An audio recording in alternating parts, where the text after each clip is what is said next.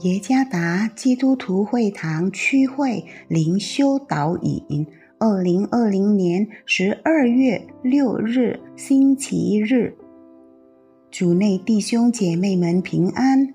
今天的灵修导引，我们借着圣经创世纪第三章十五节来思想今天的主题：从不会过时的应许。作者。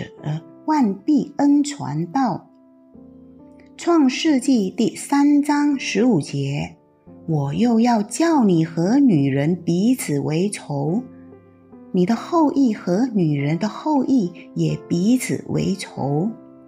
女人的后裔要伤你的头，你要伤她的脚跟。新冠病毒肺炎疫情的肆虐。几乎已经冲击了人类所有基本的生活，包括婚姻生活在内。我们已经耳熟能详，有关因长期的经济问题而夫妻反目分开的事。生活的困难才临到几个月，已有数对夫妻将他们在上帝面前。结婚时所宣告的誓言，忘得一干二净。这就是有关人类许诺立约其中的一个例子。创世纪第三章十五节，乃是主前一千五百年摩西所写的。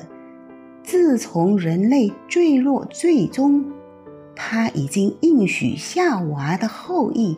要伤蛇的头，《哥林多前书》十五章五十四到五十七节，经上说：“魔鬼已被主耶稣基督打败，和死亡毒钩已被得胜吞灭。若是上帝忘记了主耶稣诞生前一千五百年的应许，我们真的很难想象。”在人类的生活里将发生怎么样的事？若是与目前人类因疫情所遭受的困苦来对比，当然就会认为那已过去千多年的应许是过时陈旧的，上帝早就忘了，那是很正常的事。然而，上帝对我们的爱何等奇妙！以他永恒的爱和奇妙的全能，他应许要拯救我们脱离自古以来人类最大的危险，那就是永远的死亡。靠着他对我们的超然大爱，罪和死亡的势力岂能阻挡？故此，这是我们应当。争取和相信的，根据他成就的应许，靠着在主基督里上帝的同在与帮助，来度过疫情期间的生活困苦难关。亲爱的弟兄姐妹们，我们不知道这疫情在我们中间持续多久，不知。将有多少人会在疫情中牺牲？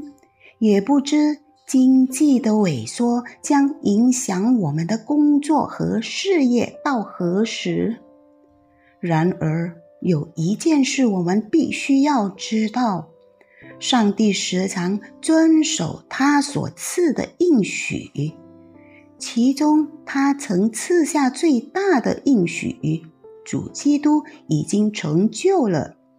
是的，借着诞生、受苦、死而复活的基督，他为了人的罪遭受到最惨绝人寰的痛苦，但这一切他都已胜过。请相信吧，他与我们的同在是完备的。他会扶持我们度过这疫情期间生活中的暴风雨。